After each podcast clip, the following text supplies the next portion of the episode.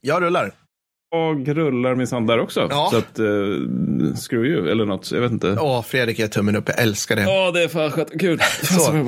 Vänta. Nu ska vi ägna en timme åt att prata Total War. Och... Ja, jag tänker det. Ska, Det du, du, fantastiskt. du har ibland tyckt att vi skulle köra så här podd på engelska. Ska vi, jag tänker, ska vi inte köra nördpodd istället för att vi skulle starta en annan podd? Jo, nu ska vi göra. Nördpodd slash nörd och politik. Ja. Och sen bara kör vi det liksom rakt upp och ner. Men Ja, tänk, det blir ja, jättebra. jag tror vi skulle kunna göra nördpodd ganska bra. Ja, eh, det Fredrik behöver mer att klippa. Han gör för lite. Det är jag. Men jag vill prata om liksom, att Phase 4 av Marvel Cinematic Universe inte var så bra. Men det vill prata för sig hela YouTube om också. ja, ja, precis.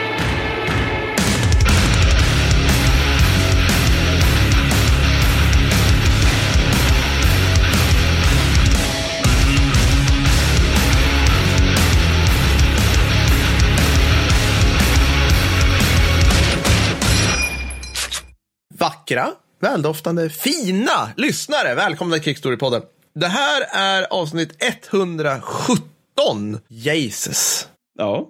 Det är det enda ja. jag kan säga Mattis. Äh, det känns fantastiskt kul. Precis som vanligt Ja, skulle jag det kunna säga. det. Är det. Det, det är roligt att det här fortfarande är roligt för övrigt. Har du reflekterat över det? Ja, det har jag reflekterat. Ja, faktiskt. Alltså, återigen, jag, jag, jag gläds mig väldigt mycket när varje gång jag får påminna min fru om att hon, här, hon bara vid avsnitt 20 bara, alltså hur många fler avsnitt kan ni göra? Finns det krig så det räcker till det här verkligen? Nej, här, det kan omöjligtvis vara. Ni kommer få slut på ämnen. Vi bara, mm. Jag menar, hur, hur många saker är det som man gör 117 gånger och det är fortfarande skoj? Alltså det är typ så här, spela War med Total War, sex, Öl, ja, dricka öl också förstås. Ja. Ja. Men det är väl typ de tre Det är typ de tre. Jag, jag tror typ alla andra, alltså jag, så här, jag fattar inte hur folk kan gå på så här 117 fotbollsträningar och sen bara, ja, Nej, bolljäveln är rund fortfarande, jaha. Ja, men du vet, Det det kan ju inte vara. Ja, men precis. Ja. så här, nu är det närkamp med andra män. Vi borde starta en till podd som är sportpodd. Liksom, per Ja, och Matte alltså. förstå vad det här är för någonting, varför folk är intresserade. Fredrik skulle kunna vara den som då leder den podden och försöka förklara. Det skulle han kunna vara. Ja, det här är curling. Ja, men jag, jag är ju så, det bästa med att vara så sportointresserad är att man är så, i varje fall jag, jag är så lättpåverkad på ett bra sätt. Så Ja. att om någon tar med mig på typ en match, vad som helst, och säger så här, här, nu ska du lyssna, den där gjorde mål förra matchen, mm. och det är svinviktigt att den gör mål igen, för då, da, da, da, och den här matchen är viktig för den här och den här grejen. Och så säger jag, jaha, vilka he- hejar vi på? Vi hejar på blå laget. Då kommer jag bara, då, har jag, då bygger jag upp en egen spänningsstruktur i Ja, mitt huvud. Liksom. Då, då jag så här, Och röda laget är nu nazister. Liksom. Röda alltså, de laget måste är bekämpas nazister. med alla tänkbara. Jag var ju faktiskt på der derby med Fredrik för många år sedan. Är det men, sant? Men, ja, det var, vad fan var AIK mot Djurgården va? Okej, Korrekt. Ja. wow. Det, var, det var ju svinroligt. Ja. Mm. Alltså, jag stod ju där i Djurgårdsklacken och var liksom den mest djurgårdiga djurgårdingen någonsin. Ja. Trots att jag liksom verkligen inte bryr mig någonstans. Men det, man, man sveps ju med. Så. Ja, det är exakt det det. har förklarat hela tredje riket. Så. Eh, men, eh, men ja, Nej, men så, så det är kul att podda är väl typ det vi har kommit fram Ja. till i den här podden då, tre minuter in. Vad är det vi ska prata om idag? Vi ska prata om varför USA förlorar krig.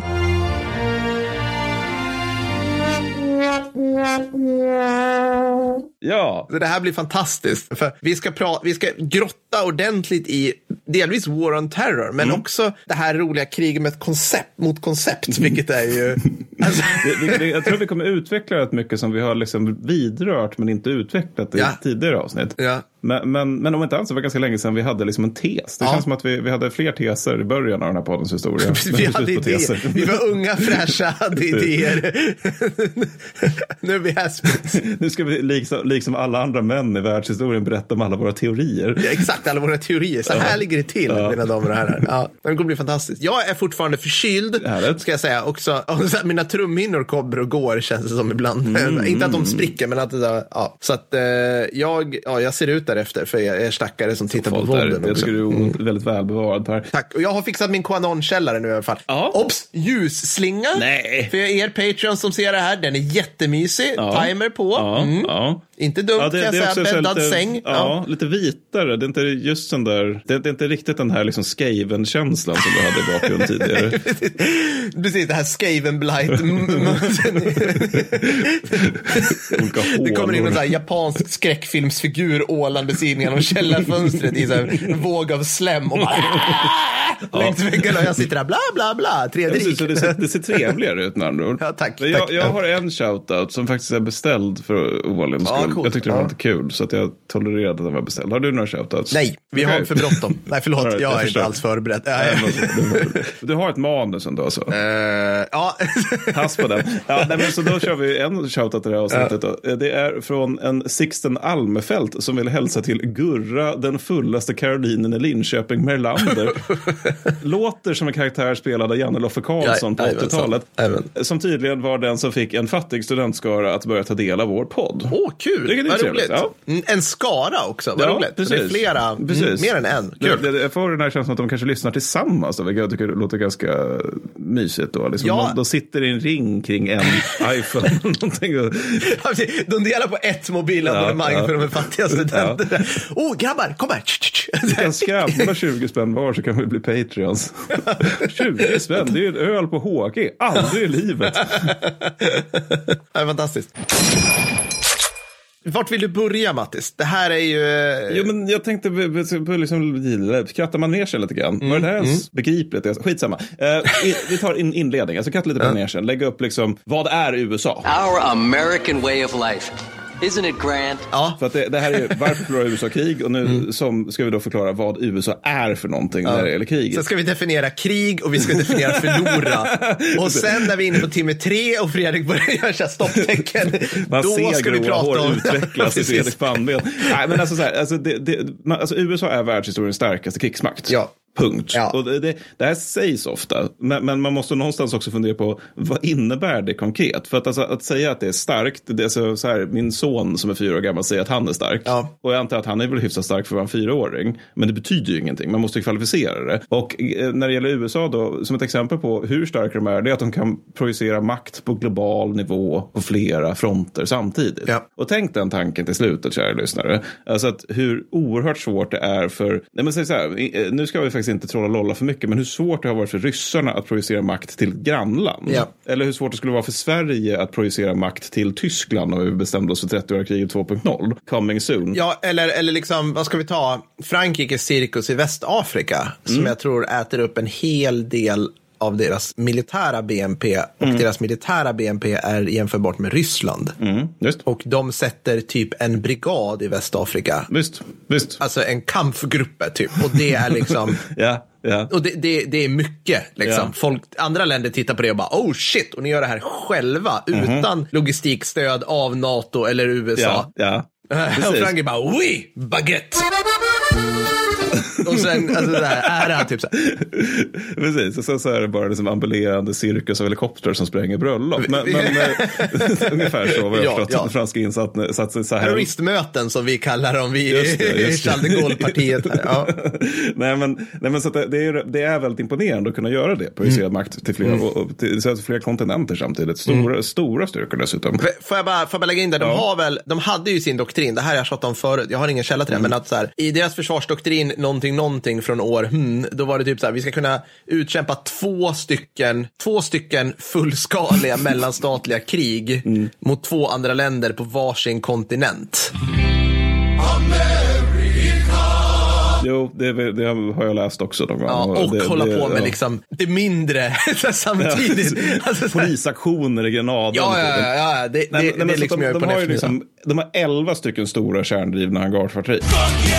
Ja. I Europa, kontinenten, ja, minus Ryssland, har sex stycken hangarfartyg. Ja, och det är inte kato, eh, en katobar av de sex. ett katobar, ett riktigt, precis. Så det är jag skulle säga ett riktigt Ja. hangarfartyg, Ja, det är som det är jag. Precis. Och det här är också, för att det här är plus Storbritannien. Ja, ja, ja. Så, ja. Som inte längre är ett EU-land. Ryssland, de har också ett hangarfartyg som eh, behöver boxeras överallt och ge Ruhrområdets kombinerade utsläpp när de försöker gå själva. Då. Så att,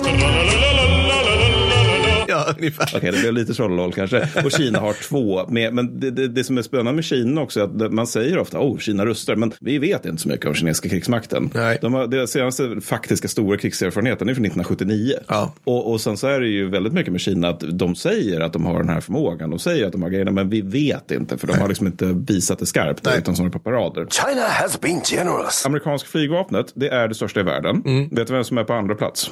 Också amerikanska flygvapnet. Nej, men typ det. Det är- Jo, men det är ju det. Det är United States Army Aviation. Ja, ja, ja, exakt. exakt.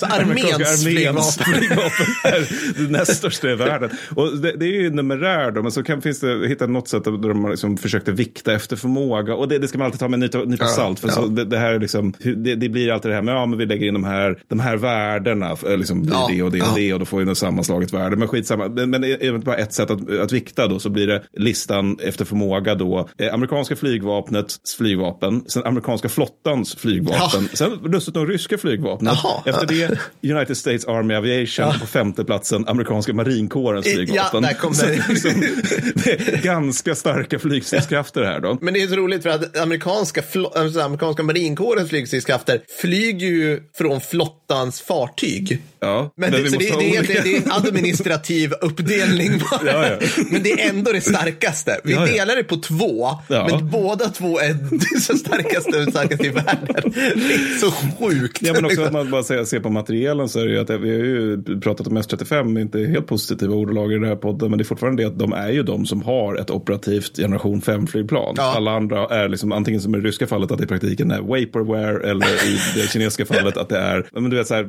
men, återigen, vi vet ingenting Nej, om det. nej, Eh, men, nej. men, allt det här är ju imponerande och då kan man ju fråga sig då, hur har det gått med de senaste krigsinsatserna efter andra världskriget? Mm, Ja, Och då ja. börjar vi med Koreakriget. Ja, woho! äntligen Korea. Vilket är typ, det, typ oavgjort. Ja, alltså, ja. Ja, men, ja alltså, men så här, men så här, jag kommer lite till det här, men, men där är ju så här, vad, okej, så här, vad var målet? Mm. Ja, jo, jo. vad, vad, eller om vi säger, vad var målet för Nordkorea? Det var ju att, att ena koreanska halvön. Mm. Ja, ja. Och initiala målet för, för USA är att se till att Sydkorea finns. Ja, så jag skulle säga att de typ vann. Ja, men säg typ vann. Ja, men säg, säg typ vann. Men det är inte riktigt den här slam dunk, eh, Berlin faller, Berlin, segern Nej, som är andra världskriget. nej. Vietnamkriget däremot, det är ganska eniga. Det är rakt av en förlust. Ja, ja. Mm. Invasionen av Grenada med en population på eh, strax över 111 000 personer. Eh, Det är en seger. Mindre än kommunen jag sitter i. Ja. ja, ja. Invasionen av Panama, som har Panama då, en population på lite över 4,3 miljoner människor. Ja. En, en seger. En seger, Ja, och det är ja. bra. Ja. Och, och sen har vi Gulfkriget och det är väl egentligen det som är tydlig seger rakt Mm. av. De möter en konventionell motståndare som har en på pappret stark armé och eh, på pappret starka flygstridskrafter som de totalt utplånar. Det, det är liksom nästan, det, men alltså det, det, är så, det är en sån herrejösses seger för Mm. USA. Och det, vi ska någon gång prata om Gulfkriget, hur stort det är egentligen på något sätt. Alltså framförallt vad det gör med medvetandet i, Jag bara världen. prata om Stormy Norman igen, alltså, så, blir jag, så blir jag glad. Det är sant. Ja, ja. Men, men, men sen har vi då Afghanistankriget och det är ju Mm. förlust. Och sen så har vi Irakkriget. Ja du. ja, du. Det, det, alltså det sk- skapade typ ett krig till och eh, amerikanerna själva, alltså det är också lite grann som Korea, vad är målet? Vi vet Ja. inte och du kommer återkomma till Irak. Men, Ja. men det som är grejen är att det här är inget jättebra track record om man ser till vad de investerar. Alltså de har onekligen vunnit krig, men det är också flera av den här typen så här gränsfalls någonting. Ja. Det slutar med att ingen vet vem som har vunnit. Också några förluster rakt av. Ja. Och enligt SIPRI så är det här då, liksom det man investerar i amerikanska krigsmakten är 801 miljarder dollar per år. eh, Vilket är 3 procent av eh, USAs BNP. Så har du 801 miljarder dollar. Ja, Ja. Mm. och det är alltså två och en halv gånger mer än vad Kina investerar och eh, hälften av Rysslands totala BNP. Vodka. Ja. Så att, men, men, men, och det är liksom också vad amerikanerna får istället för typ vägar, välfärdssystem, Absolut. inte behöva gå till trollpackor för att kolla liksom, skrumplever och liknande. Läskunnighet på Nigerias nivå. Barnadödlighet på Kazakstans nivå. Det tror jag är taskigt. Jag tror Nigeria har ett bra faktiskt. Ja, det är väl en jag av de här bättre länderna. Ja, Förlåt. Mm. pending. Men, men, nej, men, men, men så det, det här är mitt sätt att säga. De får, de får, ut, de får liksom inte riktigt, de, de investerar mycket men får kanske inte riktigt ut det resultat som man kan förvänta sig efter investeringen. Mm. Så då är frågan, varför förlorar de då krig? Och där är liksom, vad jag tycker är punkt ett varför de förlorar Mm. krig. Det är krig med oklara mål. Ja, ja. Att alltså, vi, vi har ju det, alltså folk som hatar. Statsvetarpodden startar nu. Det är lite tyvärr. Tyvärr är det så. Det här är... Ja, men det blir, det, blir, det, det blir mycket sånt Ja, i den här. Ja. Men, men, men så här, alltså, folk som hatar västvärlden har angående den ryska insatsen i Ukraina sagt, men Afghanistan då? Där förlorade USA. För att då, om USA förlorar Afghanistan måste ju det innebära att det är, går bra för, för Ryssland i Ukraina. Just det, för det är antingen eller. Det är Ja. svart eller vitt. Ja, Just det. Mm, så, så fungerar världen. Det, det vet vi alla. Ja. Och det här är ju, det tycker jag också är roligt, det, det här är så så lustigt med de som använder argumentet. Ja. För det är antingen liksom här, dumvänster som hatar USA och därmed gillar Ryssland. Ja. Vilket bara, Hörni, vänsterkillar, det här är ju inte ett five, vänsterland. typ. Ja, nej, exakt. Eh, Eller så är det så här pöbelhöger som gillar Ryssland på grund av att de också tycker att det är äckligt med bögar och tjejer. Ja. Och det vill säga att man utkämpar ett meningslöst kulturkrig. Mm. Men oavsett det, alltså det här är ju sämsta jämförelsen i världen. Ukraina är ett högintens- högintensivt modernt krig, Mm. eller lite noja på det moderna delvis, men det är ändå ett högintensivt krig. Afghanistan, det är 20 år långt asymmetriskt krig med mycket låga förluster för amerikansk Ja. del. Ja. Och det som är dock intressant är att den inledande invasionen av Afghanistan, mycket le- lekande lätt Mm. Ja. för amerikanerna. Gud, ja. Sak samma i fallet Irak 2003. Mm. Tror, alltså, för oss som växte upp med Irakkriget så tror jag det är lite lätt att glömma att man, för där associerar med Irakkriget med de här långa, långa fotpatrullerna i bebyggelse. Det är från till att bli något jävla mm. herrejösses in med Fallujah. Men, men, men man associerar just med den här långa asymmetriska kampen Ja. mot oklara miliser. Men alltså själva invasionen, där är typ Generation Kill en dokumentär. Ja, ja, Det gick så ja. jävla bra för dem. Det var bara, de bara körde över irakiska armén. Det är så här plattan i mattan på alla fordon hela vägen till Bagdad. Klart. Det Ja, och, liksom... och då var det typ så här att de angrep med för lite trupp egentligen. Alltså att de, de, de, de är inte så många som angriper. Men de, de kunde göra sådana grejer som, det finns, det finns en dokumentär som är, som är rätt kass, men det var typ så här, okej vi har så mycket, vi har så mycket flygstridskrafter, återigen Army Aviation, att vi vet Mm. inte riktigt vad vi ska göra med den.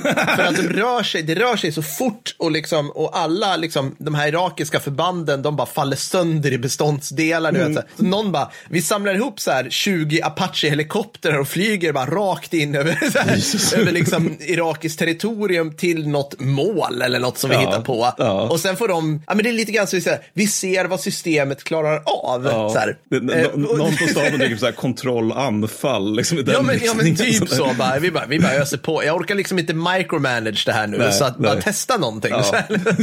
Vi kanske kommer på en ny doktrin när vi ändå igång. Liksom. Ja, ja, visst, vi vet Nej, men, inte. Men, Ja. det här är också grejen. Alltså, när amerikanerna får utkämpa konventionella krig tenderar de att vinna. Ja. Alltså se återigen Afghanistan, Irak, Kuwaitkriget, Panama, Grenada. Mm. För att här kan de använda sin, sin, alltså, all sin eldkraft, all sin rörlighet, all sin logistiska förmåga, all sitt samband på ett militärt nyttigt sätt. Ja. Och när de däremot hamnar i asymmetriska krig så negeras nästan alla de här fördelarna strategiskt. Ja. Alltså se då alltså Vietnam, ockupationerna snarare än invasionerna av Afghanistan och Irak. Och det här är ju delvis på grund av att det, de då hamnar i gerillakrig, vilket är svårt generellt. Delvis på grund av att det blir nationsbygge snarare, snarare än regelrätt krig, vilket Ja. också är liksom svårt för arméer att göra av förklarliga skäl, eftersom arméer tenderar, eller krigsmakter tenderar att ha sönder nationer snarare än att bygga upp Ja. dem.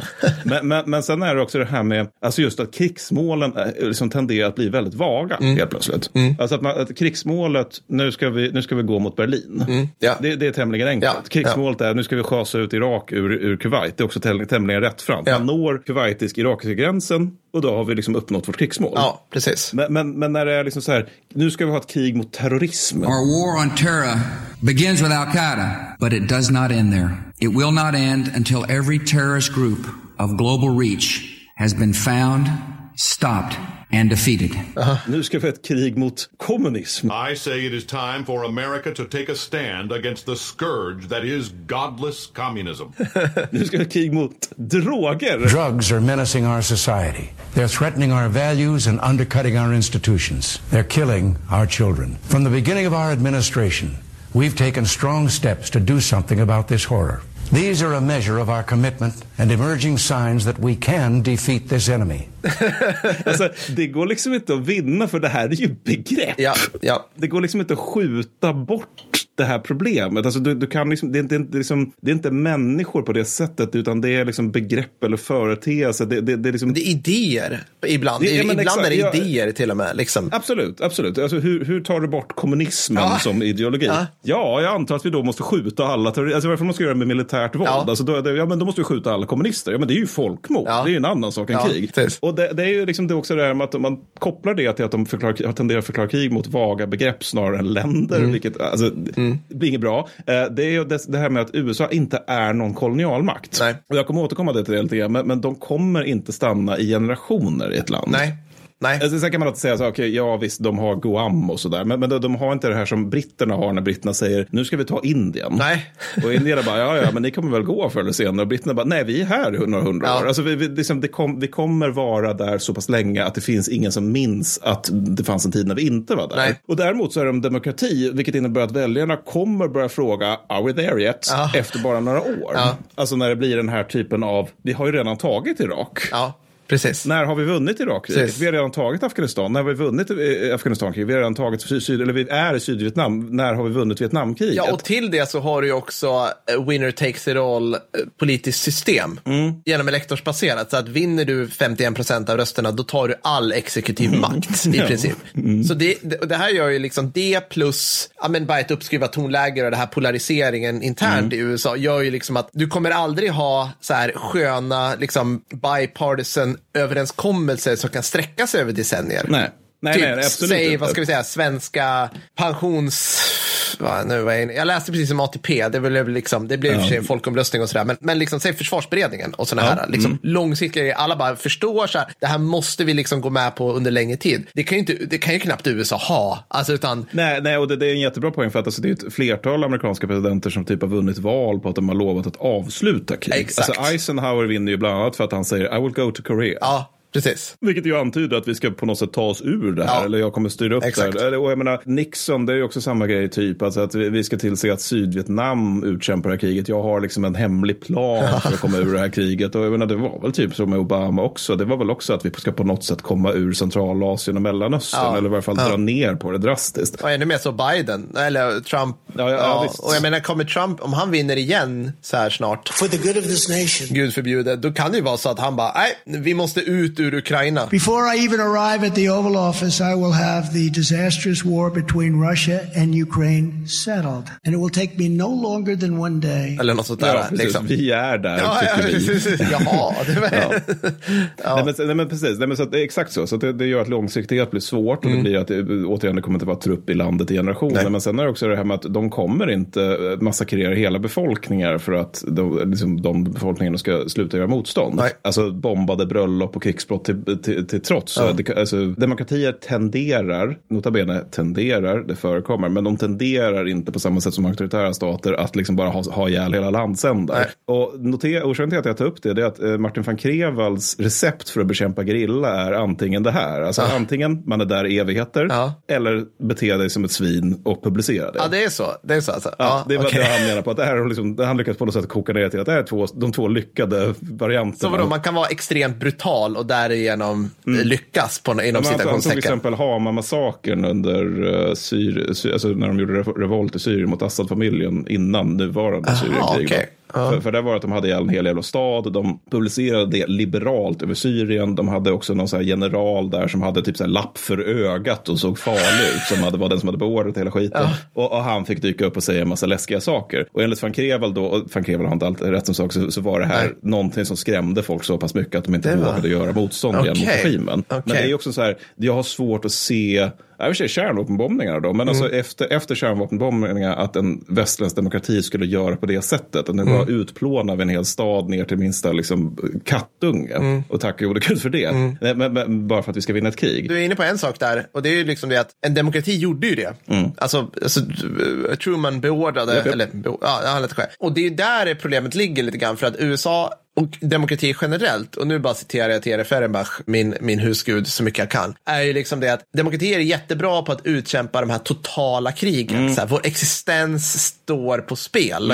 Sämre på oklara krig med så begränsade politiska mål. Där liksom så här, men alltså det här, det här liksom toilet, så här shithole country Mm. någonstans på en kontinent som jag inte kan uttala. Det utgör inget hot mot oss. Nej. Liksom. Men vi ska ändå skicka folk dit som kliver på minor och så. Nej, men jag kommer nog återkomma till det, men, men det, det, det är ju det här med att det är något svårt för, att förklara för en, en liksom väljarkår. Det här är strategiskt viktigt. Ja, fast det känns inte i magen. Nej, exakt. Nej, exakt. Det, det är inte den här liksom, jag måste, nu, nu springer jag till värvningskontoret för att jag ska ta, ta tillbaka Alsace-Lorraine. Nej. Utan, utan det, det är inte den känslan, utan det är mer att ja, nej, men det vore väl bra om vi hade liksom förmåga att, att gruppera trupp i Mellanöstern på ett tillförlitligt sätt för att vi har baser där. Här, inom ett par generationer kommer det att göra att vi har bättre synergier i den här regionen kopplat till handelsvägar. vi Och... få, precis, det kommer få knock-on-effekter för, för ekonomin, både regionalt och globalt. Alltså det där Ja, är ja. ingenting man vinner, man, det, det är ingenting man har ett tal, alltså det är tvärtom kommer inte hålla tal med. Nej, men så att allt det här är ju då kombinerat då med att krigsmålen i praktiken är obegränsade. Eftersom så att Mm. man förklarar krig ett begrepp så är de dock så omöjliga att formulera strategi kring. Mm. Jag hittade en amer- amerikansk general som jag inte kommer ihåg namn på, men han menade angående Afghanistankriget då att Mm. de, det han hade sett där var väldigt mycket taktik och ingen strategi. Nej. Och vips så är du Tyskland. Ja, exakt. Mm. Alltså att du, du har ingen strategi om du ska vinna, men du har massa, massa bra taktik om du ska döda Ja. motståndaren. Ja. Ja. Fungerade det för tyskarna under två världskrig? ja, kanske inte Det, riktigt. kanske inte. det är kul för oss att titta på hur de förlorade. Läsa om det. Man blir wearable på det viset. Men det är liksom inte bästa sättet att vinna. Det är det Nej. Det, nej, det nej, nej, det. det stämmer bra.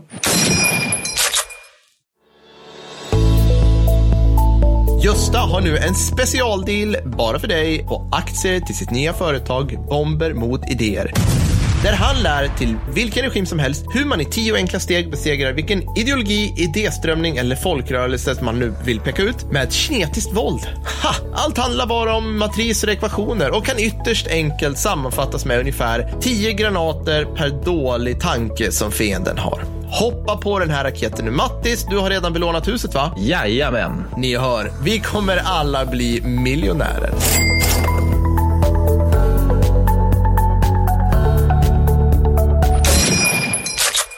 Ja, men, men så det, det är mitt luddiga första så, att man förklarar krig mot begreppet är en dålig idé. Låt höra, vad har du tagit med dig till bordet? Ja, men, ja, gud ja. Jag har, alltså det här är så släpigt. Eh, För det första kan jag börja säga, när man nystar lite i det här, och du och jag pratade om det igår, så är det så här, att jag kan bara säga att så här, hej och välkomna till min historiapodden, Mm. där, där Per, småborgerlig 36-åring, ska göra upp med samma Per, 18 år gammal med dreads, ung vänstermedlemskap. Ja, ja. För det är lite så här det blir. Alltså så här, så här, eh, 25 år av fundering kring sådana här saker har liksom en, skiftat ens liksom, perspektiv lite grann på det här. Ja. För att jag, jag läser, eller så här, jag utgår från samma grej som dig. Mm. Jag håller med dig till 100%. Jag, jag landar liksom i slutsatsen att det här är ju svårt. Ja, alltså det är svårt det är att vinna krig Ja. för det första. Mm. Och det är svårt att vara USA. Alltså det är svårt att vara liksom, till exempel så här, War on Terror är, eh, och det, det här kan vi fortfarande inte vara objektiva kring. Nej. Vi lever fortfarande i det. Det här kommer vara liksom mina barn och barnbarn som kanske forskar i det här. Och, och både du och jag hade också mycket starka känslor om det när det bröt ut, när vi var tonåringar. Absolut, Alltså att, absolut. Och det, de, de tror jag faktiskt ligger kvar någonstans, alltså som gör att man som ligger i vägen för vad man tycker om det idag. Eller fall för min del. Säkert, säkert. Ja, men, och så slår det över till 100% motsatsen och så är Mm. man liksom lite, inte helt. Ja, men precis. Alltså, jag, som sagt, jag tror att vi, läser övriga västvärlden, har ju svårt att fatta vilken chock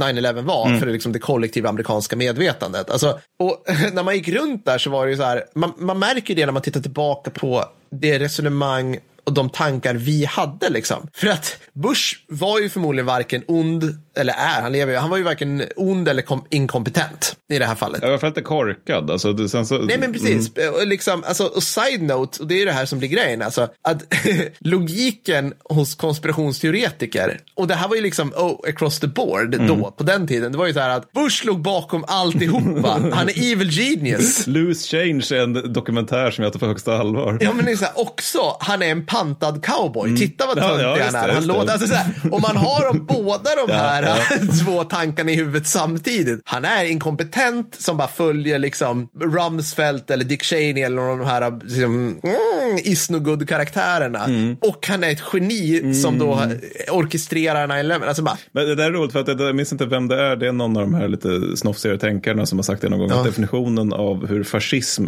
fascister uttrycker sig om fienden är att fienden är både stark och svag på samma gång. just det. precis. Exakt. Mm. Jag säger inte att man, man är fascist om man, har, man, man tyckte så här om Bush, men, men, men det är ändå lite lustigt att det är samma resonemang. Alltså, det vill säga, judarna är svaga och fega, ja. men de, tar också, de har också styr också världen. Ja. Eller man tar moderna Ryssland, liksom, västvärlden är depraverad och, och består bara av pedofiler. Ja. Å andra sidan så står vi i praktiken Minas Tirith som står mot Mordors horder. Ja, exakt. Det är jättebra liknelse. Alltså, men så där gick man runt och tänkte. Mm. Och jag gick runt och tänkte så här också säkert. Mm. Alltså, jag, sa, jag, jag, jag tror inte jag gick runt och tänkte, ja, Bush ligger bakom 9-11. Men liksom, och det är de tankarna. Bush var, alltså personligen då, liksom, för, och det här är också en grej som vi måste komma ihåg. Alltså, som jag sa, liksom, jag, jag är inget så här jättefan av det här Great Man of History-tänket, men det är ju ändå ledare på något vis som startar och bedriver krig. Mm. Och då amerikanska presidenter. Det, det, det är deras ansvar ytterst. Ja. Så Bush då, vad är han för typ av karaktär? Ja, alltså från innan då 9-11 så han var ju en, en högutbildad stridspilot som hade gått på massa Ivy League-skolor och ja, jag vet, hans farsa kan ha dragit i strings och etc. Mm. Men han gick ändå ut med okej okay betyg från Harvard. Ja, alltså, ja,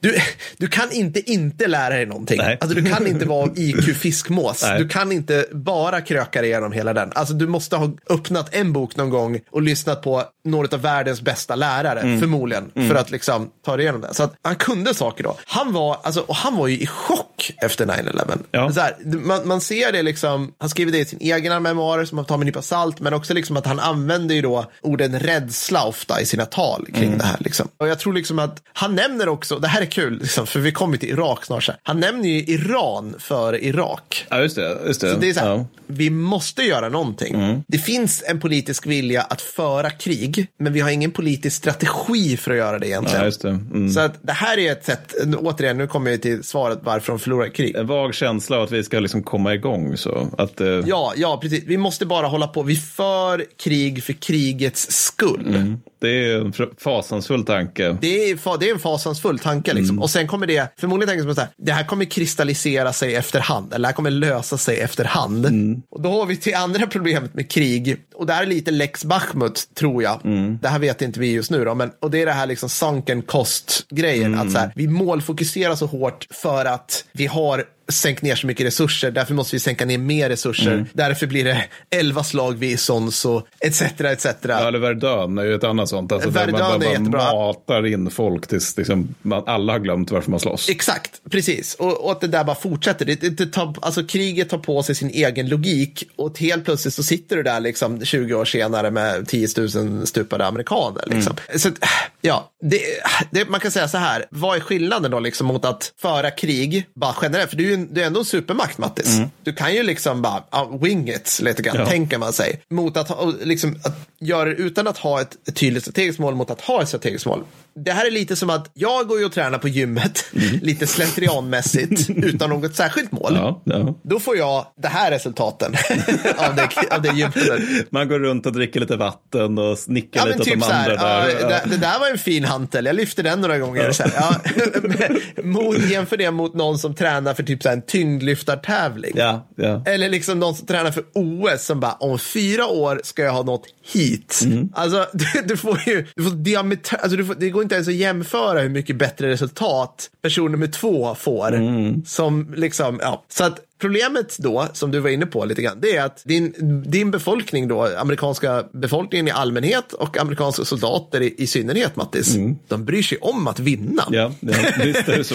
Du kanske inte bryr dig om att vinna för att, ah, du vet, det viktigaste är att vi gör någonting. Mm. Om, om åtta år ska jag kunna kliva ut härifrån och bara, ja men kolla jag gjorde någonting. Så här, liksom. Vi måste på något sätt reagera på 11 september. Ja, det, det, ja. vi, det, vi kan inte bara inte göra det. Nej men precis, och det finns ju en sätt att ha ett mål och sen finns det ju att ha en hum om hur man ska avsluta kriget.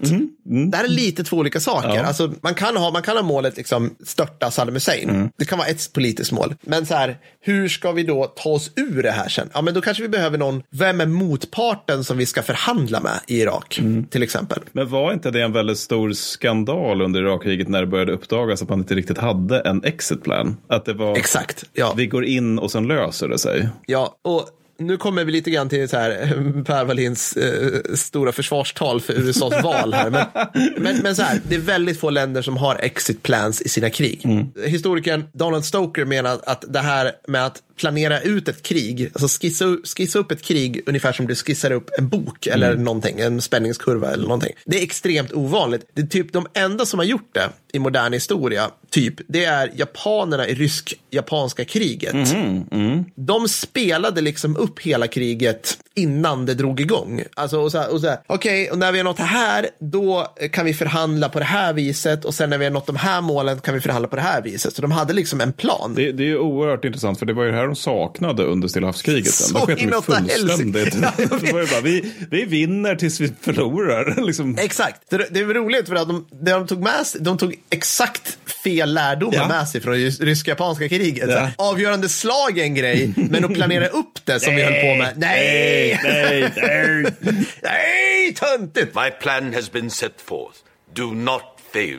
Nej, men så det är väl roligt. Och, så, och, jag menar, liksom, även i USAs, som du var inne på, så här, oförblommerade segrar då, Gulfkriget 91.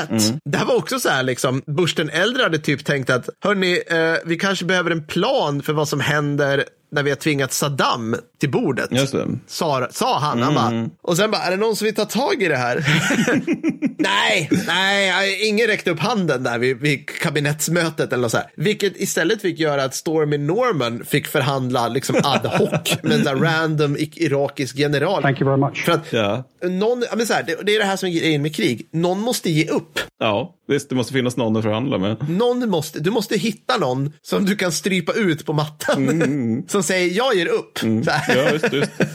så att, ja, jag vet inte, jag, har, så att, jag tycker det här är intressant. Sen är det ju också, sen Mattis, du är inne på det här, att sen andra världskriget så har ju amerikanska presidenter gjort det lättare och lättare att föra krig själva. Det här är liksom stora så här, Michael Moore-grejen. att executive power har växt på bekostnad av lagstiftande. Och det, det här har nackdelar. Ja. Nackdelarna är att det är lättare för USA att ge sig in i krig som är ogenomtänkta eller rent av moraliskt förkastliga. Ja. Och som de kommer att förlora. PGA, hoppsan, det gick kanske inte att besegra en ideologi, bygga en demokratisk stat, utradera en extremism med militära förband.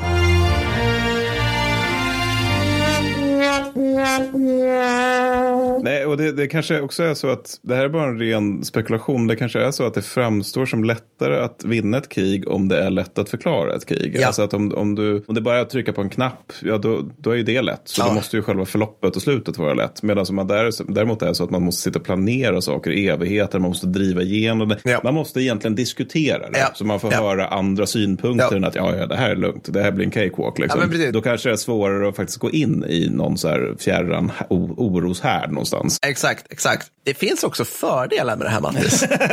ja, jag vet. Ja, ja, ja. Jag vet. Ung vänsterpär inom mig vrider sig över ilska. Men det är så här, för länder såsom Sverige och Ukraina, alltså icke alliansanslutna länder, Mm. så är det oerhört nice att ha en president som kan vid minsta provokation från stormakter i öd typ sätta trupp på Gotland Ja. utan att passera kongressen eller senaten och säga nej, ni rör inte min kompis. Mm. Alltså, vi är, ja, här, vi är ett litet oallierat land i norra Europa. Vi mår rätt bra av att ha världens enda supermakt på vår sida. Se typ Kosovoalbaner på 90-talet Ja, som. Mm. flydde undan Milosevic. Där kunde Clinton bara Bomb those fucking Serbs! Och så hade han liksom en hangarfartygsgrupp utanför Jugoslavien som kunde bomba dem. Alltså, Jag, jag tror jag är inne på lite grann att jag börjar förstå USAs sena 1900-tals ideologi, eller så liksom doktrin här. Och det är det att, jag ska säga så här, de för ju inte krig för sig själva i alla lägen, utan de presidenter som liksom ser och accepterar USAs roll som supermakt, de för ju krig för ett globalt system. Ja. I grund och botten. Alltså så här, när man säger så här, som vi var inne på, man, du ska försöka sälja det här till, liksom, till Bob Joe i, i Florida. Liksom. Så, ah, men vi, vi, ska, vi måste vara i det här ökenlandet Ja. för att det säkrar upp det här och det här och det gör att i framtiden så kommer de här och de här samarbetspartner, de här och de här organisationerna fungera bättre. Lalalala. Och han bara, ah, det är sk- skitointressant. Ja. Jag ska berätta för vilka det är intressant. Sverige. Ja, jo, jo. För Sverige är det CP-intressant att liksom global Att västvärlden fortsätter dominera i globala sammanhang. Västvärlden fortsätter dominera i globala sammanhang. Alla handelsvägar fortsätter vara öppna. Internationell lag och rätt upprätthålls. Ja, visst. Det är CP-viktigt. Just det, där med, just det där med lag och rätt, internationell lag och rätt, att det upprätthålls kan man tänka sig att det finns viss intresse av för ett litet alliansfritt land utan en krigsmakt. Ja, det är ganska bra om folk lyder ingångna avtal då. Ja, men det, alltså om, men om, om, vi, om vi återgår, liksom, om vi pratar om den här multipolära världen som Kina och Ryssland då vill ha. Jag fattar inte vad de menar egentligen, men jag antar att det handlar mest om att så här, vi, de vill kunna klämma åt små länder utan att någon blir arg på Det, dem. det, det, det är det i praktiken är, men det är teorin är att det finns mer än en stormakt. Exakt, ja precis. Och eh, det, det kommer ju vara så här liksom att, nej men Sverige, vi känner för att ni inte ska få handla på det här viset längre. Mm. Utan vi, vi, vi, kommer, vi kommer nu vrida massa, ja men säg handels eller liksom forskning, allt, allt de här mjuka värdena som, man, som, som, som liksom beslutas i Bryssel eller Mm. något sånt där. Ja, ni, ni får skit på det. Och så sitter Sverige och så bara, jaha, ja, där försvann 70 procent av vår export. Mm. Vilket gör att vi nu faller tillbaka till 1800-talet i levnadsstandard. Ja. För att vi har, får inte in några pengar. Nej. Alltså, Nej, så, att, så jag är ju så här, jag bara go, ja, men jag blir lite så här, go USA, eller så här, go västvärlden Ja. på det här. Ja, det är ju högst gynnsamt för oss att systemet är uppla- uppbyggt som det är just nu. Ja, ja, precis. Jag har om teknokratkrig, för det är roligt Ja, också. får, jag slänga, får jag slänga in det amerikanska kynnet däremellan då? Ja, ja, precis. Jag har också det. Ja, bra, bra. Ja, Nu- nej, men det är alltså, jättebra. så här, det, det här blir ju lite fördomsfullt om amerikaner som, som, som grupp då. Men jag kommer gener- generalisera hårt om över 300 miljoner människor. Men alltså, problem i USA är det du var inne på tidigare, att allt blir polariserat. Ja, ja, precis. Ja, alltså det är ett jättestort land med jättemånga viljor och vissa av de här viljorna är emot vaccin, tror att jorden är platt på grund av eter i rymden, Ja, ja, slutcitat. Vill att marinkåren ska arkebusera Hillary Clinton Ja. på grund av hennes pedofilring i en pizzerias källare. Our American way of life. Isn't it grand? Dessa excentriska viljor är också väljare och Ja. det finns till och med någon tanke om att orsaken till att Trump egentligen vann, det var att han lyckades, alltså första valet han vann var att han lyckades mobilisera just de här galningarna. Ja. Att de alltid funnits inom framförallt Republikanerna och till viss mån även Demokraterna. Ja. Men, men att, att han lyckas tala till dem och göra dem engagerade på ett sätt som tidigare republikaner. Men alltså, liksom, gamla republikaner kommer alltid rösta på en republikan. Så att, oavsett om han appellerar till galningarna eller inte. Men skitsamma. Ergo är de krig man ska ha om att det ska vara ett långt krig, det ska vara ett korståg. Alltså Ja. återigen, färre än bara skärp. Ja. Och här är ju andra världskriget helt jävla perfekt. För där har vi att USA har angripit. Ja. Och fienden är ju ond på det här sättet att om fienden vore, alltså om vi hade, läst, om vi hade sett en Marvel-film Ja. där fienden är Hitler eller japanska imperiet. Då hade vi tyckt att det här är orealistiskt. Vi måste tona ner, alltså ingen är så här vansinnig i verkligheten. Nej. Men nu var de det i verkligheten. Och dessutom, de amerikanska förlusterna är ganska små i andra världskriget om man jämför med alltså, tyskarna, japanerna och ryssarna. Då är det liksom, de, de, ändå, de är inom ramen för vad som är rimligt om man tänker sig att det är ett världskrig som utkämpas. Jag älskar att vi har en ram för världskrig. ja, men, men, jag, Ja, men, kanske, lite, kanske lite hjärtlöst sagt. Men, Nej, nej, men jag- jag köper det, liksom. Ja, men de, de, de är i alla fall alltså, jämförelsevis små om man jämför med de som förlorar mycket i andra världskriget. ja, oh ja, alltså oh ja. kineserna för den delen. Ja. Och dessutom finns det ju liksom inget insta där amerikansk trupp kan skildra hur det ser ut på Omaha Beach dagen den 7 juni 1944. Nej. Att det finns ingen där bara som, som står, någon basse som står och är för, av förklarliga skäl traumatiserad. Nej. Utan det amerikanska hemmabefolkningen får se det är att vi har gått in i land Normandie och det var bra. jag ser framför mig liksom Joakim Lamotte i landstigningsbåten. Bara, alltså det bara skvätter vatten här och kulor. Alltså fy fan, fy Det fan. är en fullkomlig katastrof, vi kommer förlora kriget! Vakna USA! Precis. Jag står i en skyddsväst, ska det vara så här?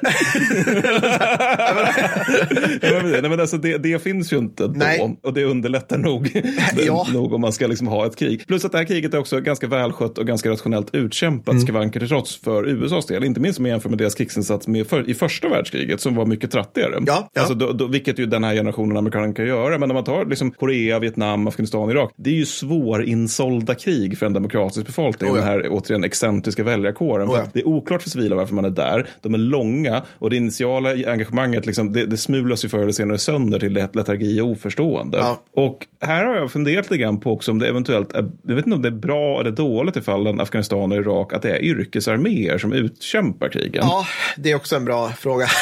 Men alltså, det är bra eftersom det är det som du kallade legionärskrig Mm. tidigare. Alltså att du, du, eller i någon annan podd. Men Vi ska vara där, de som är där är proffs, de, de, de, det här är deras jobb Ja. och så vidare. Ja. Det de, de, de, de gör ett jobb så att det liksom krävs inte det här elden och engagemanget för Nej. att utkämpa kriget. Men det är ju samtidigt dåligt på grund av att militären där och därmed kriget blir en egen sfär. Ja, ja. Alltså att det är svårare att uppmana känslor inom civilbefolkningen om en gemensam uppoffring när det är bara vissa som gör uppoffringen. Ja. Å andra sidan så, så är det ju liksom fördel för att man minimerar, alltså det här med att man minimerar de civilas kontakt med kriget är ju en nackdel att de inte förstår kriget, men det är ju en fördel också att det inte blir den här med värnpliktiga skickas till Vietnam på grund av bokstavlig tombola. Nej, nej precis. Ingen, ingen som har en farsa som är kongressledamot åker till... Nej, Nej. precis. Nej. Jag, jag pluggar Harry Potter-vetenskap nu, så Ja. jag behöver inte åka till lilla nej, nej, nej, jag kan inte bli draftad här inte.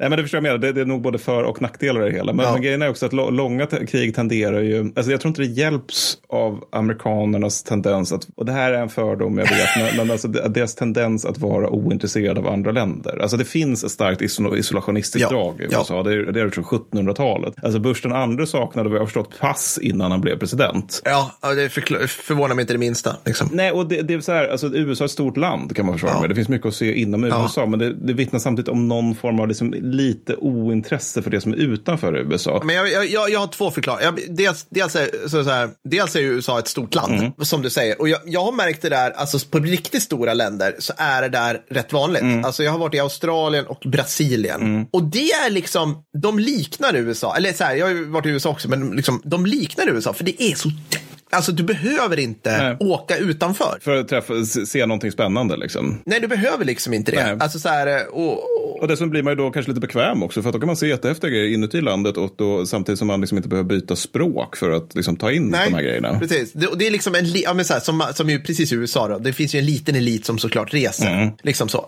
Och sen två då, det är ju att de har, alltså det ligger i deras så, kultur att vara isolationistiska. Ja, visst, visst. Både på det, i det lilla och i det Ja, stora. visst, och det, det är väldigt gammal kultur i det fallet också. Ja. Menar, och sen om man tar Trumps intresse för världen, det, det stannar väl vid liksom, vilket östeuropeiskt land kan jag liksom importera en ny fru ifrån? Det, det är väl det som är precis, hans intresse. Precis, Så. exakt. Sokovia, where is Sokovia? Var är Bordurien?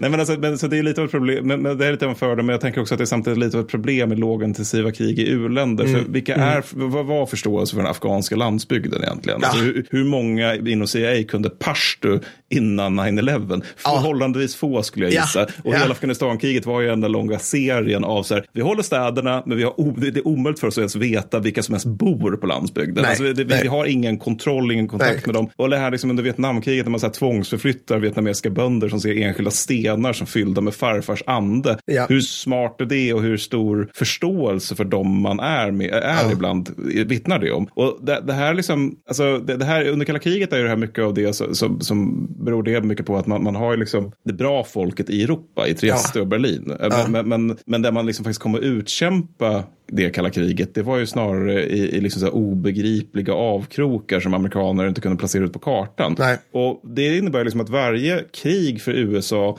sedan andra världskriget, lite vässat kanske, men varje krig för USA, varje nytt land de har hamnat i har nästan varit som en överraskning för dem. Ja. Bara, Oj, Irak innehåller både shia och sunnimuslimer. Det hade vi ingen aning om. Nej. Om vi hade en Nej. aning så var den teoretisk. Vi förstod inte vad det skulle innebära praktiskt när vi tog bort Batpartiet och sa att nu ska Nej. alla styra. Hoppsan hejsan. Och jag kan bara sista då, innan du ska få ta över teknokraterna. Återigen jämför med, med fransmännen och britterna. ja, oh ja. Som har liksom så fungerande spionnät i alla sina gamla kolonier. Som det är så här, ja men det händer någonting i Mosambik, men då givetvis åker vi över dit och tittar lite grann. Ja. Eller kanske Mosambik är inget bra fall, men exempel Kenya. Vi, givetvis kan de redan vårt språk. Givetvis så är alla handelsfördrag uppdelade på sätt så att hela vår diplomatkår vet hur man ska agera i de här länderna. Ja, ja. Förstår kulturen. Vi har liksom folk som har gone native där sedan 1800-talet. Och det här är någonting som jag upplever som att USA inte riktigt har. Alltså att man inte har den där djupa förståelsen för omvärlden som kommer av att ha varit ja, ett kolonialimperium då för vissa. Men Nej, det skulle vara kul att veta hur de beter sig alltså, i Filippinerna, där Mm. de faktiskt har varit ett kolonialimperium, typ, alltså under, under liksom längre tid. Hur som helst, tack Mattis. Jag vill bara säga det att det du är inne på är ju, alltså en, en oför, det du säger egentligen är så här, man lyssnar inte riktigt på de som säger, så de som berättar för dig, Mattis, som president, om mjuka värden i landet du ska invadera. Korrekt, Om jag ska korrekt. hårdra det Ja. lite grann. Och det här är också ett teknokratiskt drag. Så, i- liksom, vi börjar från början. Liksom. Det, det klassiska är ju då McNamaras body count, som jag, du och jag båda är ense om är en av de största anledningarna till att USA förlorade kriget i Vietnam. De fokuserade på antal nedkämpade fientliga soldater, inom citationstecken, vilket, i, vilket i sig, lex alla krig, är en glädjekalkyl. Hur många, hur många stridsvagnar hade, sprängde du Rydel? Ja, du. ah, hundra! Otaliga. Ja, hur många som helst. Ja, Ja, ja. jag skriver ner det. Ja. Med ett gäng antal och matriser, uträkningar etc. Krig via Excel-dokument, helt enkelt. Mm. Så här i efterhand inser vi att detta är ett idiotiskt sätt att föra krig mot en ideologi. För Incitamentet, så här, jag tänkte på det ett steg till. Incitamentet blir ju då att ha ihjäl folk. Ja. Ergo Mattis är det nästan sjukt att vi Alltså det, det talar nästan gott om USAs väpnade styrkor att vi hade så få massakrer på civila. ja, men om man Jo, ska vara allvarlig, nej, men- alltså nej, på men riktigt. Absolut, Liksom. för, för att alltså, Song My-massakern till exempel har ju bland annat förklarats med body count. Exakt. Och likaså de, de här förmodade massakrerna som skedde under Operation Speedy Express där det är en kill ratio på 11 000 nedkämpade Vietcong eller något åt det hållet mot typ så här ett tjog amerikaner. Ja. Nej, nog inte bara stridande där va. Det kanske inte bara. Nej men absolut. Och, och, det, och den, just Speedy Express anses då ha anförts av en en, en amerikansk chef som var besatt av kill Exakt. ratio och body Ja, count. och då kanske det blir så att det förmedlas neråt. Så. Nej, men jag bara menar liksom att det, det, det är liksom, det är ändå på don, alltså så här, men det kunde, jag, jag, jag bara säger när man ser det här, alltså vi vet ju incitament, nu Ja. kommer, nu kommer radikal Per och säger så här, betygsinflation i friskolor, incitamentet Ja, är ju ja. otroligt att vi inte hade fler massakrer. Hur som helst, det här kommer Fredrik klippa vare sig jag vill eller inte. Va? Kritisera friskolor? Förlåt, var var jag Jag tror du någonstans? menade Eh, massakern i Vietnamkriget. så här, okej, och vi sitter ju nu och säger så här, dumma, dumma, dumma Westmoreland och McNamara. Hur kunde ni komma på det här? Men Mattis, hade du och jag kunnat tänka annorlunda? För att McNamaras bakgrund, jag rekommenderar, jag rekommenderar- dokumentären Fog of War. Han var ju en utpräglad statistiker. Alltså under, under andra världskriget så rä, satt han och räknade på liksom förstörda, förstörda fiendestäder, kallt. Under Ford, när han jobbade på Ford satt han och räknade på bilolyckor och sen politiken och försvarsminister. Hans, liksom, hans slutsats från andra världskriget var ju så här, om vi bara räknar på det tillräckligt bra så kommer det här att lösa sig, för vi vann. Mm. Ja, visst. Vi vann ju kriget, Ja. så att på något vis hjälpte ju det här. Menar, vi, han kanske till och med hade tillgång till sådana här siffror som att, vad ska vi säga, vad var det nu Mattis, Så här, åt- så här 70 procent av tredje rikets eh, försvars-BNP, försvarsbudget gick till alltså genomföra hemmafronten under liksom 44-45. Men de hade var, vad var det? det var över två miljoner man som befann sig i, i, eh, i riket för försvar mot, mot eh, amerikanska och brittiska bombflottor 1944. Ja. Och ja. det här är en tid där de har något, alltså det är typ 2,7 miljoner eller någonting på östfronten. ja. Ja. Ja, så det, det är liksom en stor ansträngning som är mot de här bombmattorna. Då, Absolut. förklarliga skäl. Absolut. Så även när man ja, men binda trupp, Mm. en grej. Så, han, så liksom McNamara, det här var ju hans tanke liksom. Och så han drog ju slutsatsen då att USA hade vunnit de här två världskrigen plus lyckats skydda Sydkoreas existens Mm. genom att ingenjöra sig till segern. Det här har du varit inne på många gånger. Väldigt roligt. Det kunde de då göra, till skillnad mot sina motståndare och allierade, tack vare landets massiva ekonomiska överlägsenhet. Ja, visst. Alla är med så långt. Alltså metodiskt, rationellt och effektivt ska USAs militära resurser mobiliseras och nyttjas för att smula sönder sin fiende. Det funkar. Ja, och det, det är ju här någonstans det, det är den här typen av resonemang- resonemang som får en att inse att andra världskriget är ett problem. Alltså, för det lär ju just amerikanerna det där. Alltså, Ja. Om vi bara har logistik, massproduktion och bra teknologi så löser det det mesta. Ja. Och sen så fångar det också generationer av människors och beslutsfattares idé om vad ett egentligt krig är för någonting. Exakt. Så, så Precis. fort man inte är i den här typen av konventionell strid mot, mot konventionell fiende, Ja. då är det inte ett egentligt krig och då vet vi inte riktigt hur vi ska göra med det kriget. Nej, e- exakt, egentligt krig. Mm, det, det, där är så, det där är så förrädiskt, men, men sant. Och, så, och lägga till ännu mer i mitt lilla försvarstal mot McNamara. Jag vet inte. Det är liksom det att, kom ihåg också att de, de studerade ju hur fransmännen gjorde. Där det var liksom en kombination av så här, förfranskning, vin och bajonetter. Det vill säga väldigt mycket magkänsla och liksom, Passion! Panache! Nej men precis, och det säger vi, det sa vi ju, det sa ju du och jag precis, att så här, det här är det som har gett britter och fransmän seger inom citationstecken inom kolonialkrig, att vara på plats. Visst. men det funkade ju inte i Indokina. PGA, olika anledningar, alltså ja, sådär. På grund av Vietnam, fucka aldrig med Vietnam. Men, men, Fuck aldrig med Vietnam, hashtag liksom. Och så att, men, men liksom, då är det klart att McNamara tittar så här, okej, det här är gett oss seger i, i, i liksom två, tre krig innan. Mm. Två världskrig och Korea då, Korea är en liten, eh, men ja. Ja, men Korea är i alla fall inte en förlust. Alltså, det, Exakt, det, det, precis. det är det inte. Nej, nej. Och eh, det den totala motsatsen som vi ska göra nu, det har fransmännen försökt i tio år innan oss. Och det sket sig. Ergo, ett rationellt, matematiskt uträknat krig.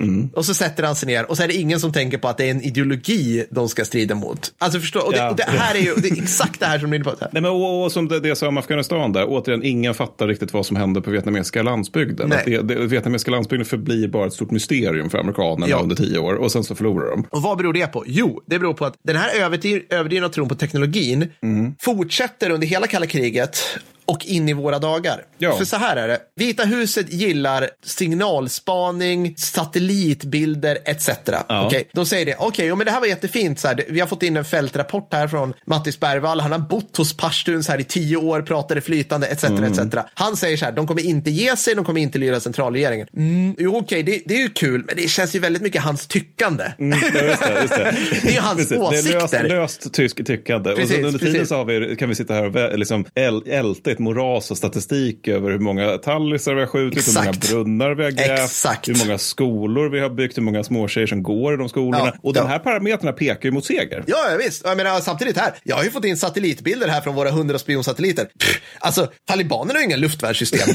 Vi kommer ju vinna det här kriget på en pisskvart. Är det några pansarförband där? Nej, just det. Nej, nej, det är inga... Nej, men, liksom, så att, så att det, det, det här är ju det som är problemet. Alltså, de glömmer gärna, eller USA glömmer liksom den psykologiska aspekten av inte bara krig, utan även så här gråzonskrigföring, subversion etc. Och det bästa exemplet jag har egentligen, sen, ska jag, sen ska jag släppa teknokratgrejen, det är det jag nämnde i avsnitt mhm, om Sigma-spelen. Googla det här inför och under Vietnamkriget som jag nämnde i, 100, ja förlåt, där står det, 106an. Det är en så här typisk sådan slagsida mot kvantitativ analys istället för kvalitativ analys. Alltså det var helt enkelt så att man tog in typ hundra experter som är experter på, liksom, på Vietnam, på, på rebellrörelse, på kommunism, på allt, så kulturen där. Och så här, skulle vi kunna genomföra det här kriget på de här premisserna? Och alla säger nej, nej, det kommer skita sig. Hashtag får inte med Vietnam. Nej. Och man bara, Ja men okej, men vi har satellitbilder och flygspaning och det... Precis, vi, ser, vi ser ju, vi ser med våra blotta ögon att Ja. Vietnam, Nordvietnam är inte en stark militärmakt. Nej. Särskilt inte om man jämför med det vi har att erbjuda. Nej, precis. Här är, här är våra pansarförband Mm. i färgglada stridsvagnar. Här är Nordvietnams pansarförband. Precis. De har två stycken T54 Ja. i övrigt några BT7 och den sista SAR-stridsvagnen som på något sätt har lyckats få från ett kärr utanför Ja, Moskva. exakt. Men, Exakt. Men, men, men, precis, men, och det där är ju, alltså det där är någonting som jag tycker är lite intressant med USA. För mitt intryck av, jag undrar om det är för att det, det blir många så här rena spekula- spekulationer Ja, ja, i ja, avsnittet. visst. Men, men jag undrar om det är liksom för att jänkarna föds ur en revolution, eller deras land föds ur en revolution. För mitt intryck av USA och dess historia det är att de står ständigt inför en ny revolution. Alltså man brukar ofta säga att de är historielösa och det tror jag inte stämmer för de är besatta av amerikanska inbördeskriget. Usch! Men, men, men, de är liksom, men jag tror snarare att de är väldigt framåtblickande och framtidstroende, framtidsoptimistiska till och med. Och det är ju en del av hela liksom, amerikanska drömmen-tanken. Alltså det är en del av kulturen. Min framtid kommer vara bättre än min, eller min sons framtid kommer vara bättre än min framtid. Ja, Etc, etc, ja. etc. Och det här gör ju att de alltid befinner sig i någon, alltså de är ju som ekonomer. Ja. De, är- de, de stö- stöter hela tiden på någonting nytt som liksom förändrar allting i grunden. Ja, ja. Vilket innebär att vi ska inte ha kvar armén eff- liksom inför Koreakriget. Vad, vad hände efter Kuwaitkriget? Jo, men då RMA är det vi pratar om i, under hela 90-talet. Vi, vi avvecklar skyttesoldaten typ fyra gånger under hela 1900-talet. Ja, ja, ja, ja, men absolut. Nu behövs det en gevär! Men jag, tror helt att vi befinner oss någonstans där även med drönare. Ja. För att alltså, även under Afghanistan och Irak, eller framförallt Afghanistankrigen fanns det ju liksom den här, den här vaga känslan av att om, om vi kan ha drönare istället för fotpatruller, då, då, kom, då, då är det liksom så här kontroll allt elit seger-scenario Ja. nästan. För att det innebär ju att drönaren kan inte dö på samma sätt som en soldat Nej. gör. Lägre förluster innebär också att det är liksom en inte lika sur hemmabefolkning och drönaren behöver inte sova och behöver inte Nej. liksom, ja, hela, hela balletten liksom, Nej. behöver inte utbildas på samma sätt som en skyttesluss behöver göra. Nej. Men, men samtidigt om man ska tänka sig att man ska kontrollera en civilbefolkning, då görs ju det med just fotpatruller Ja. och inte Ja. jävla drönare. Vidare. Ja. Alltså, och, och, och, det här är ju också samma skäl till varför de har så full boots on the ground i Irak. Det är just att de har, just, de har, alltså just de, de har haft den här tidigare revolutionen med RMA. Där man har kommit fram till att vår teknologi kommer göra att vi inte behöver boots on the ground. Snart har vi F35. Ja, precis. Det kommer absolut hjälpa oss i något så här konstigt miliskrig som vi lyckas hamna i. Men, alltså, det, eller förstår jag tänker? Ja, ja, att men det är den här hela tiden Absolut. pågående revolutionen Ja. i USA Ja. när det gäller tank, synen på teknologi och vad den kan göra. Ja, jag håller helt med. Det här är jätteintressant. Vi skulle kunna prata vidare mycket om det här. Jag kan säga så här, för er som är Patreons så kommer det komma en, eh, en fredagsartikel med extra material. Eller vad tycker ni? Ska jag, ska, jag- ska jag lägga upp det här på extra material på Discord? Eller ska jag lägga, göra en fredagsartikel utav det? Så vi är fruktansvärt dåliga på att lägga upp extra material på Discord. Så jag Ja. tycker, jag, ta den här chansen om du har lite Ja. över. Lägg upp det på Discorden så vi kan... Jag lägger upp så, så samma vecka, vi kan säga samma dag som det här avsnittet släpps så Oj, får ni ja, upp mm. eh, massa, ja men jag, kan, jag är så generös nu Ja, men Mattis. det är att så bra, är det är bra. Ja. Med Pers lösryckta tankar, obs, eh, statsvetare är inte en skyddad titel. Krigsexpert P. Wallin. Ja. ja, men fantastiskt kul. Jag gillar, men som du var inne på, jag gillar verkligen lite sådana här uh, diskussions, uh, diskussionsavsnitt. Jag tycker det är mysigt. Ja, det tycker jag också. Ja, Det, det, det är inte så, ja, precis. Det är nog de här avsnitten som står sig sämst, men, men så kan det ju vara. Men, men eh, nästa avsnitt är ett Patreon-avsnitt och det har ingen aning om vad vi ska prata Jag har om. ingen aning om vad det blir. Vad är nästa ordinarie då, Matte? Eh, Nästa ordinarie vill jag minnas är EPA-pansarvärn. Yes! Jag ska bland annat prata om brittiska hemvärnets pansarvärn anno 1941. Det var inte jätteimponerande kan Det var säga. inte jätteimponerande. Nej, men med EPA-pansarvärn så menar vi antingen improviserat pansarvärn eller, eller pansarvärn som är, alltså att det, det bara är EPA. Att det, liksom Ja. att det kanske inte är så improviserat men det är bara så uppenbart töntigt Ja. och fånigt. Liksom. Alltså den typen av pansarvärn. Jag kommer beröra pansarbössor, Bra. vilket är ett roligt ord bara att säga. Alltså, så jag, jag är nöjd där. Ja, ja, ja. Bara får säga jag, I mitt manus som jag faktiskt redan har hunnit skriva stora delar av, det, så- då finns det rubriken Sjuk skit under vinterkrig. Det, det är ju för att det är bara folksagor. Men, Ja, ja, men det måste vi komma ihåg när det gäller vinterkriget. Men, men, men ändå. Det blir fantastiskt. Nej, men tack för att ni har lyssnat, vackra människor, så hörs vi snart igen. Det gör vi. Ha det gött. Ha det bra. Hej. Hej då.